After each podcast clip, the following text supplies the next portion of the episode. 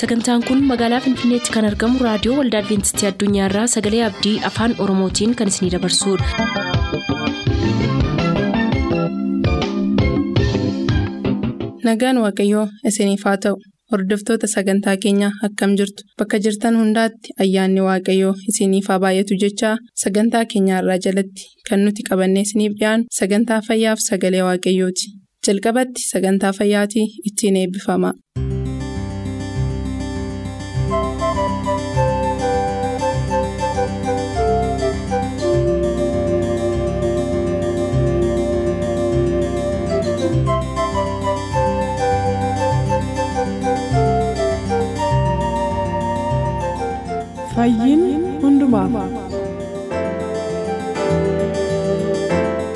Nagaan waaqayyoo bakka jirtan maratti isiniif baay'atu akkam jirtu kabajamoof jaallatamoo dhaggeeffatoota sagalee abdii kun qophii gorsa fayyaati. Qophii gorsa fayyaa keessatti yeroo adda addaatti walitti fufiinsaan gorsa fayyaa kana kan nuuf qabatee dhiyaachaa ture. Tashaalee jaarraa har'as qophii kana keessatti qooddataa duree ta'een waliin jira. Isinis sagantaa keenya waliin turuudhaan ittiin eebbifama.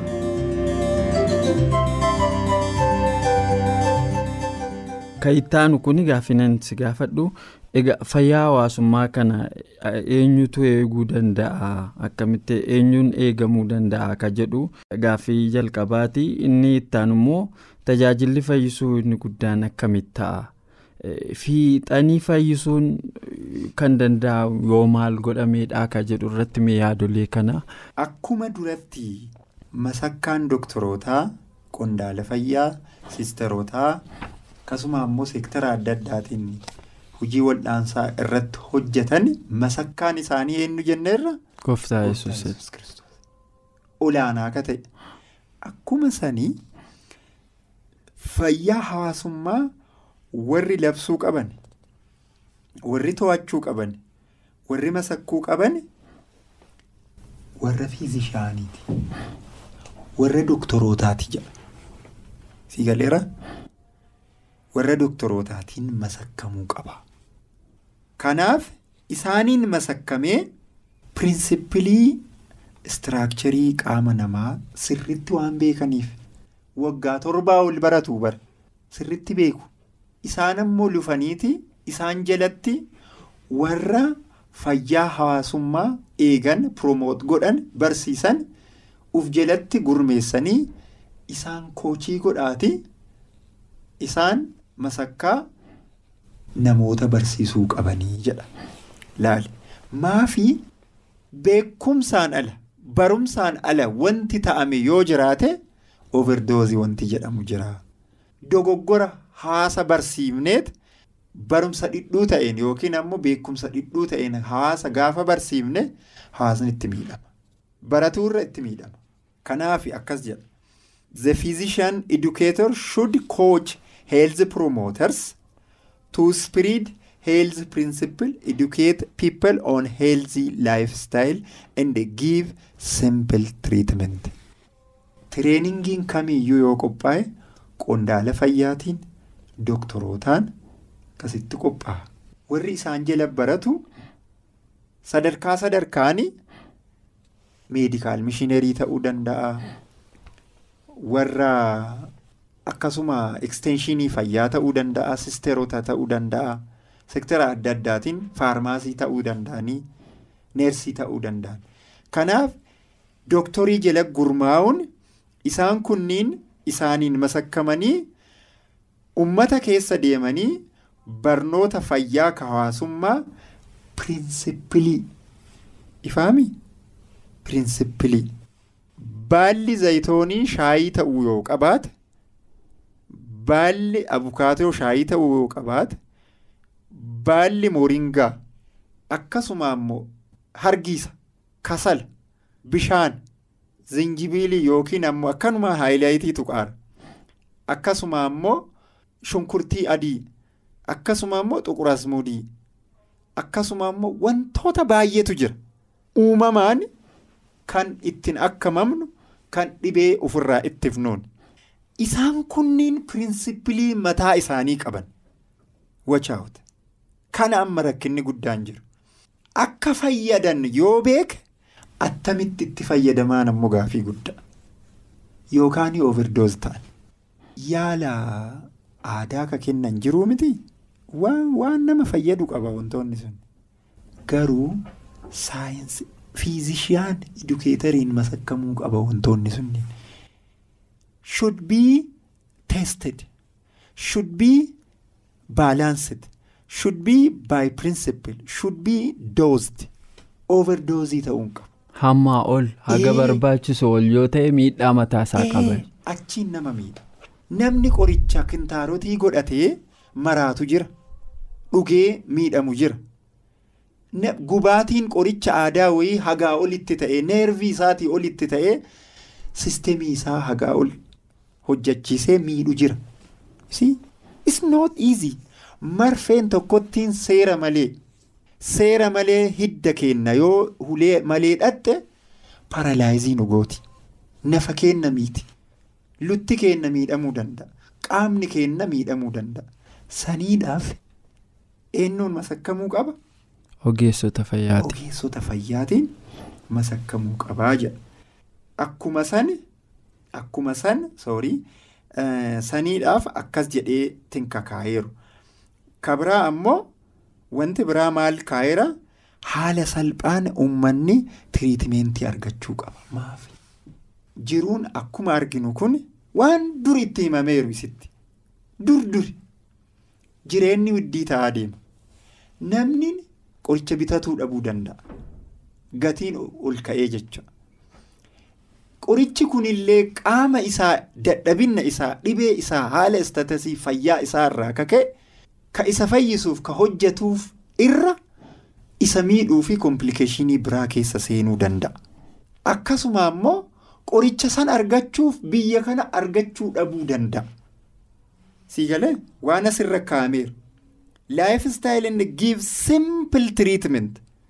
Hindi dhaqan ta'a qoricha san bituuf yaalamuuf shaashamannee ka'anii finfinne dhufan ta'a namni sun qaamni dhukkubsatee kana godhuu qabu sun kana hin danda'u.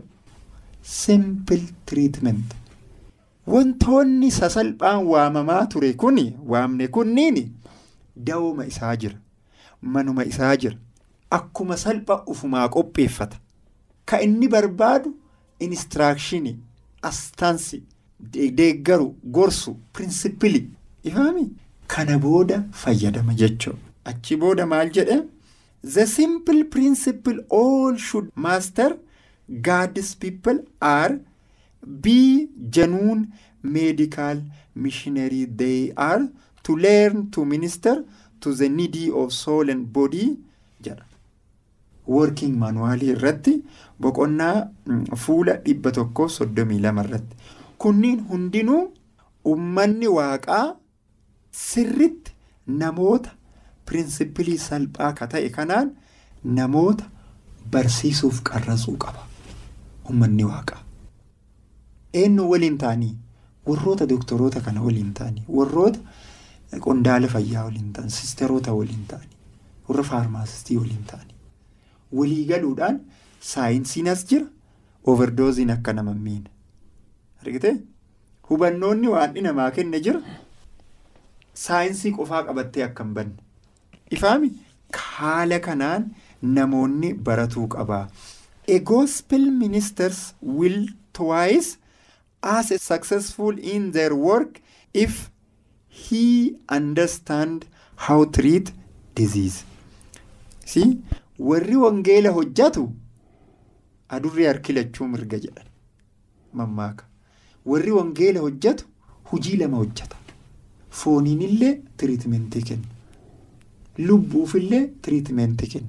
For this world to this world in the world to come. Hujii akkasii hojjetanii isaan jedhu. Addunyaa kanaafis addunyaa eeggannu isa dhufaa jiruufillee jechuudha. Working manuwaalii irra akkas ka'a. Kabraa immoo approach such as public health as a social responsibility and health promotion through community building where development is the latest treatment in the century. However, Ellen White wrote this perspective and counsel one thousand years before waggaa dhibba dura one hundred years before. Isa kana barreessiteetti. Daaniil maaf soqame waanni waa isa bira kaa'eera muuseen maaf soqame. Akka wayii guddateera. Yoosef barnoota sanbataa torbee kwartirii lufe kanarra waan baay'ee baranneera. Yoosef maaf akkas barbaachisaa ta'e. Ool zawee mana abbaa luka abbaa isaa jala akka barate irraa qabee haga mana hidhaa waatu isa bira jira kanaafi kanaaf warroonni paabilik heelzii irra hojjetan appiroochii baay'ee qabu. Akkasuma immoo duudhaa fi gahee guddaa qaban.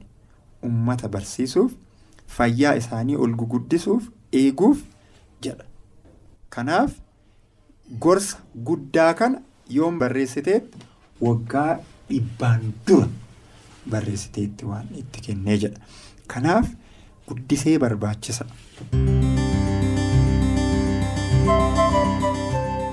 Yaalli fayyaa ogeessa saayinsii qofaa irratti hin hundaa'u jedha qondaalli kun keessattiyyuu hammantaa isaa yoo adda baafannee ka beeknu ta'ee qorsa saayinsii qofa utuu hin taane karaa saayinsii uumamaatiin yookaan immoo karaa naachuraal riimeedii fayyisuu uumamaatiin namni dhibee isaarraa fayyuu danda'aa jedha tashaaleen. Kanaafuu sagantaa ittaanu qophii isa dhufu keessatti isiniif qabannee dhiyaanna har'aaf garuu asirra goolabneerra nagaan nuuf tura.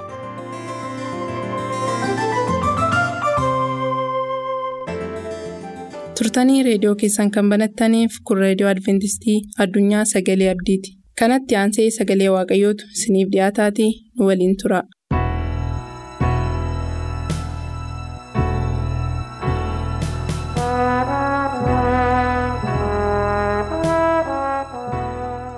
Nagaaniif alaarree waaqayyoo bakka isin jiraattan hundumaatti isiniif haa baay'atu. Hordoftoota sagalee abdii akkam jirtu nagaa keessanii kun yeroo hundumaa sa'aatii kana kan isiniif dhiyaatu sagantaa kitaaba qulqulluu keessaa itti waliin dubbifannu ittiin wal jajjabeessinu ittiin jireenya keenya hundumaa madaalluudha. Yeroowwan darban keessatti kutaa afur keessatti bishaan jireenyaa nu taasisi kan jedhu keessumattiyyuu isa lammaffaa mootota boqonnaa digdamii afur lakkoofsa kudha saddeetii kaasnee boqonnaa digdamii shanaffaa guutummaasaa akkuma kan ammoo isqeel boqonnaa afurtamii torbarra geenye lakkoofsa ja'arra geenyeeti kan nuti dhaabbanne jechuudha. Har'as kutaa kana walii wajjiniin itti fufnee ilaalla. Bishaan jireenyaa nu taasisi kan jedhu kana jechuudha. Mee osoo gara qorannaa keenyaa yookaan kitaaba qulqulluu keenya keessaa walii wajjin dubbifachuutti hin darbini bakka bakka jiru hundumaatti mataa keenya gadi qabannee waaqayyoon haa galateeffannu. Si galateeffanna. Ati ulfina qabeessa, ati guddaadha, ati jiraataadha. Galanni, ulfinni, waaqeffamuun, sodaatamuun simoo qofaadhaaf mala. Kanaaf si galateeffanna, si jajanna. Irra waaqaaf irra lafaa irratti qulqullootaaf ergamoota keessamii ardiiwwan hin kufne hundumaa irratti bara baraan maqaan kee eebbifamu. Ammoo fuula kee dura jirra. Sagantaa kana keessatti bishaan jireenyaa nu taasisi kan jedhu fuula kee duratti kadhata nuyi dhiyeeffanne qabda. Maqaa gooftaa Yesuusiin dhugaadhumattiyyuu dachee hadhoofte kana keessatti ati bishaan jireenyaa nu taasisi. Sagalee kee nutti dubbadhu. Dhageenyi immoo ittiin jijjiiramuu akka dandeenyuuf nu gargaari. Kana hundumaa siin kadhadha maqaa lama kee gooftaa Yesuusiin. Ameen. Egaan hordoftoota sagantaa keenya yeroo darbe keessatti kutaawwan arfan darban keessatti waa'ee sababa maaliitiif Israa'el akka isheen booji'amte waggaa torbaatamaaf Baabiloon keessatti akkamittiin akka isheen gidiraara turte agarreerra waaqayyo immoo akkamittiin saba sana akka achi baase ilaalleerra. Keessumattiyyuu kutaa arfaffaasa yeroo darbe ilaalle keessatti immoo waaqayyoon mul'ata isqeeliif kenne isqeel akkaataa kamiinii waa'ee bishaan burqituu xiqqoo tokko iddoo aarsaa isa diigame mana qulqullummaa keessaa akkaataa isheen yaa'aa jirtu yommuu inni argee agarra jechuudha. Bishaanni suni xiqqoo turte xiqqeenyi ishee jalqaba gulubii miillaa kan geessu achi immoo gara jilbaatti ol siqatte achi gara mudhiitti booddee immoo safara dhoowwatee amma namni daakaadhaan malee ce'uu hin dandeenyetti geesseedha galanni waaqayyoof haa ta'u. Eebbi mana waaqayyoo keessaa akkaataa kanaan guddataa deema. Sagaleen waaqayyoos akkaataa kanaan babal'ataa deema. Eessaa immoo bahee manuma qulqullummaa isa diigame isa namoonni dhiisanii adeeman sana keessaa akka inni bahee ilaalla jechuudha. Kutaa har'aa keessatti lakkoofsa torbaaf saddeet keessa yaada jiru in ilaalla inni immoo akkasidha. Isqeel boqonnaa afurtamii torba lakkoofsa torbaaf saddeet. Utuun deebi'aa jirus qarqara bishaanichaa garanaaf garasiini mukeetiin soonaan baay'ee nan arge. Ergasii namtichi bishaan kun gara kutaa biyyaa gara baha biiftuutti yaa'ee gara arabaayitti gadi jal'atee galaanatti ni gala. Yeroo inni galaanichatti nam'usi bishaan galaanichaa hin haaraadha. Haaleeluyyaa. Bishaan galaanicha keessa jirus hin haaraa. Isa kamtu haaressa? Bishaanitti ishee xiqqoo iddoo aarsaa diigame mana qulqullummaa jijjigee gartokkoonsaa gubate sana keessa ishee baatetu Yerusaalem keessaa ishee baatetu yaatee yaatee yaatee dhattee galaana guddaatti dabalamte. Galaana guddaatti eega dabalamte booddee bishaan dhaqeetti dabalame sun hundinuu maal ta'aadha? Hin haaraadha. Maqaan Waaqayyoo haa eebbifamu. Lagni kun amaloota gurguddoo sadii of keessaa qaba jechuudha. Inni tokkoffaan laga jireenyaati. Sababiin isaa maa inni boqonnaa dhuma kana keessatti lakkoofsa torba irratti maalidhaa mukeetiin soonaan baay'een qarqara bishaanichaa nan argeedha. Mukti bishaan barbaada. Muka qofaa miti egaa lafa bishaan ni jiru immoo lubbu qabeeyyiin gambiroonis jiru jechuudha. Lagni kuni gammoojjii inni keessa darbe hundinuu in lalise. Marga godhate, muka godhate. Waan inni marga qabu, waan inni mukeetiin guutamee jiruuf immoo lubbu qabeeyyiin kan biroon illee isarraa soorachuu danda'an jechuudha. Jireenya qaba jechuudha. Sababiin isaa bakka murqaasaatu mana qulqullummaa keessa waan ta'eef isa goggogeetu magariisatti jijjiirame. Isa dheebuudhaan gogetu dhugee irraa dheebuu bahe. Isa abdii kutatetu abdiinsa haara'e. Sababiin isaa bishaanni kun isa mana qulqullummaa keessaa burqe wanna ta'eef galanni waaqayyoof haa ta'u.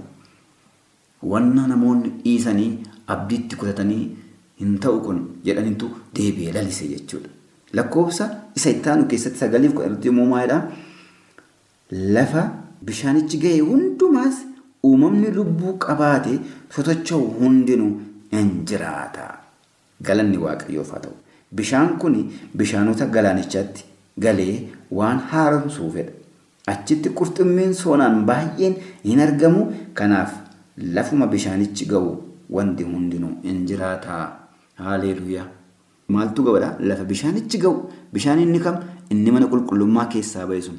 Bakka inni ga'u hundumaa bakka inni ga'u hundumaa jedha. Lubbu qabeeyyiin hundinuu in jiraatu. Galanni waaqayyoof bara baraan haa ta'u. Kutaa kana keessatti wanta nama eebbisu agarra. In fayyisa bishaanichi. Galaan inni dhaqee itti galuudha. Maal ta'aadha? In haaraadha. Yommuu bishaanni kun dhaqee itti dabalamu inni goggoge hin lalisa. Inni abdii kutate hin haaraa. Deebi'ee inni firii dhabe firii godhata. Mukeetiin lagicha qarqaratti biqilan baalli isaanii in lalisa. Lalisuu qofaa immoo miti. Isaanumtiyyuu qorichadha. Lakkoofsa itti aanu keessatti yommuu ilaallu. Lakkoofsa kudha lama irratti bishaan sana qarqaratti kan argaman laga sana qarqaratti kan argaman mukeetiin hundinuu isaan immoo baalli isaanii qorichadha. Sababiin isaa bishaanicha dhuganii guddatan. Bishaanichi immoo eessaa ka'e? Mana qulqullummaa keessaa ka'e. Mana qulqullummaa keessa immoo eenyutu jira? Waaqayyotu jira. Maddi bishaan sanaa waaqayyo. Burqaan bishaan sanaa waaqayyo. Iddoo aarsaa waaqayyootii ka'e. Oo akkam hamilee namatti tora. Akkam abdii keenya haaressa kun. Waaqayyoo akkaataa inni itti ijoollee isaatiif falmu akkaataa kamiinii isa namoonni itti abdii kutatanii hin ta'u jedhanii dhiisanii akkaataa inni itti haaressu kutaa kana keessatti agarra jechuudha. Galanni waaqayyoof bara baraan haa ta'u. Bishaanni kun jireenya kenna. Bishaanni kun akkuma lakkoofsa itti aanu keessatti agarre sagaliif kudha irratti agarre isa jireenya of keessaa qabudha.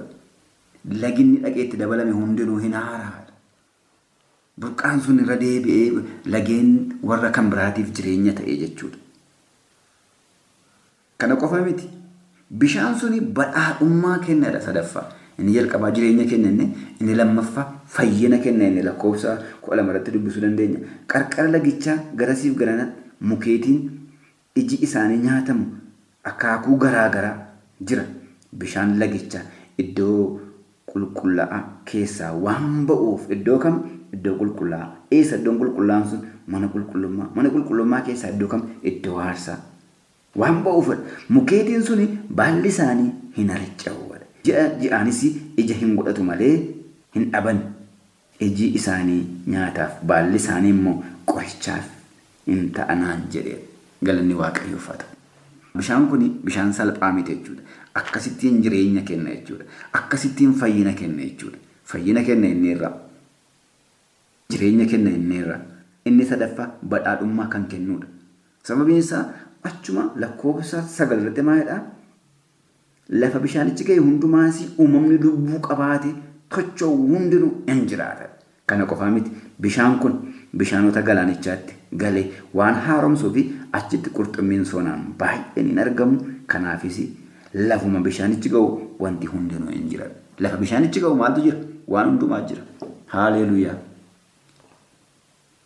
Maadire bishaanicha of keessaa qabaachuudha jechuudha. Bishaanicha dhuguudha.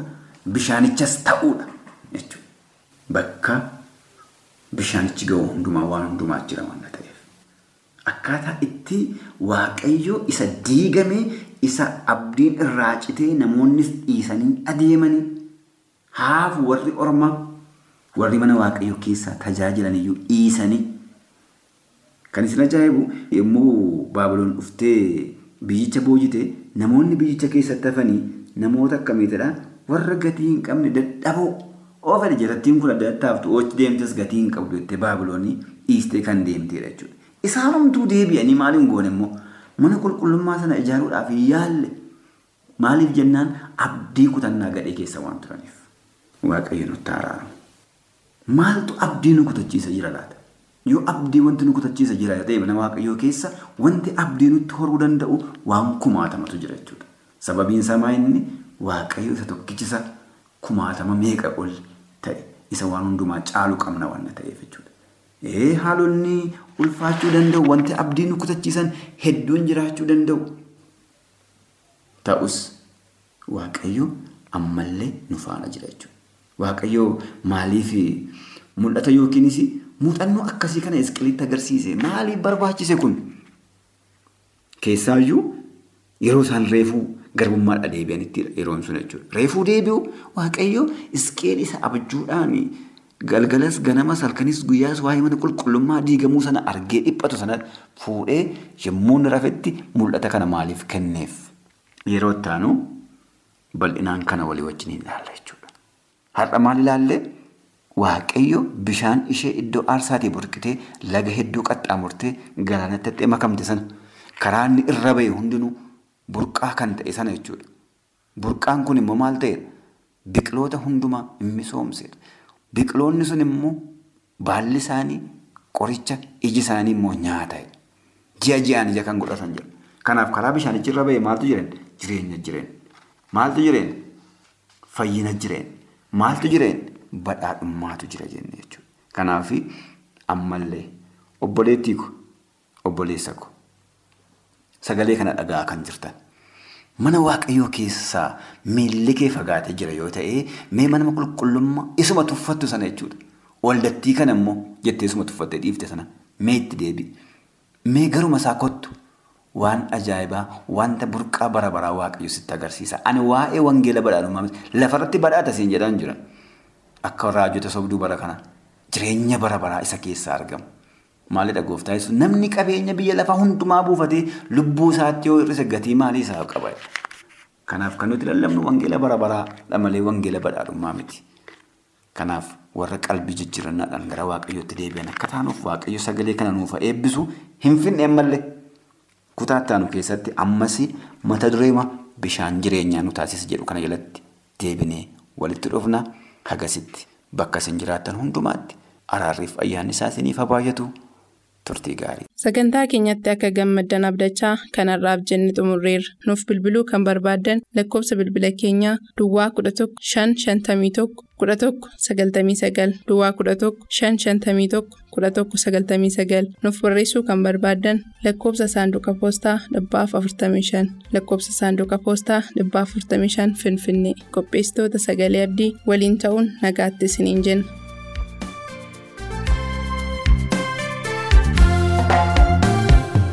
Balaa uumamaatiif rakkoo namtolcheedhaan daararaa nammaatee qaananiin hin jiru duutis barbaadame namarraa fagaate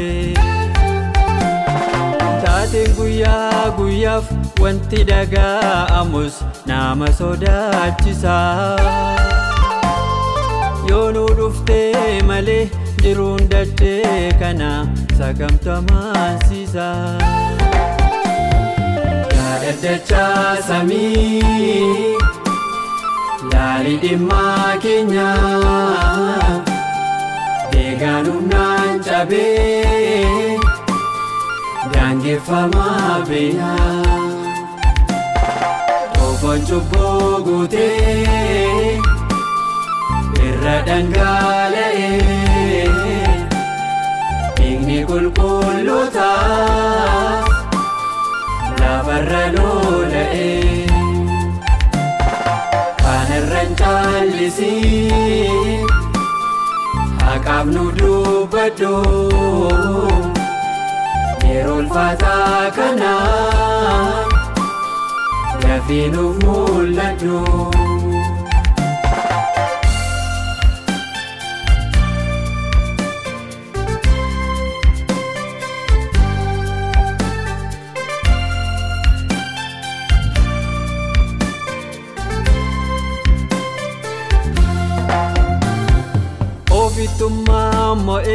Sirni safuu kufee namummaa yaaratee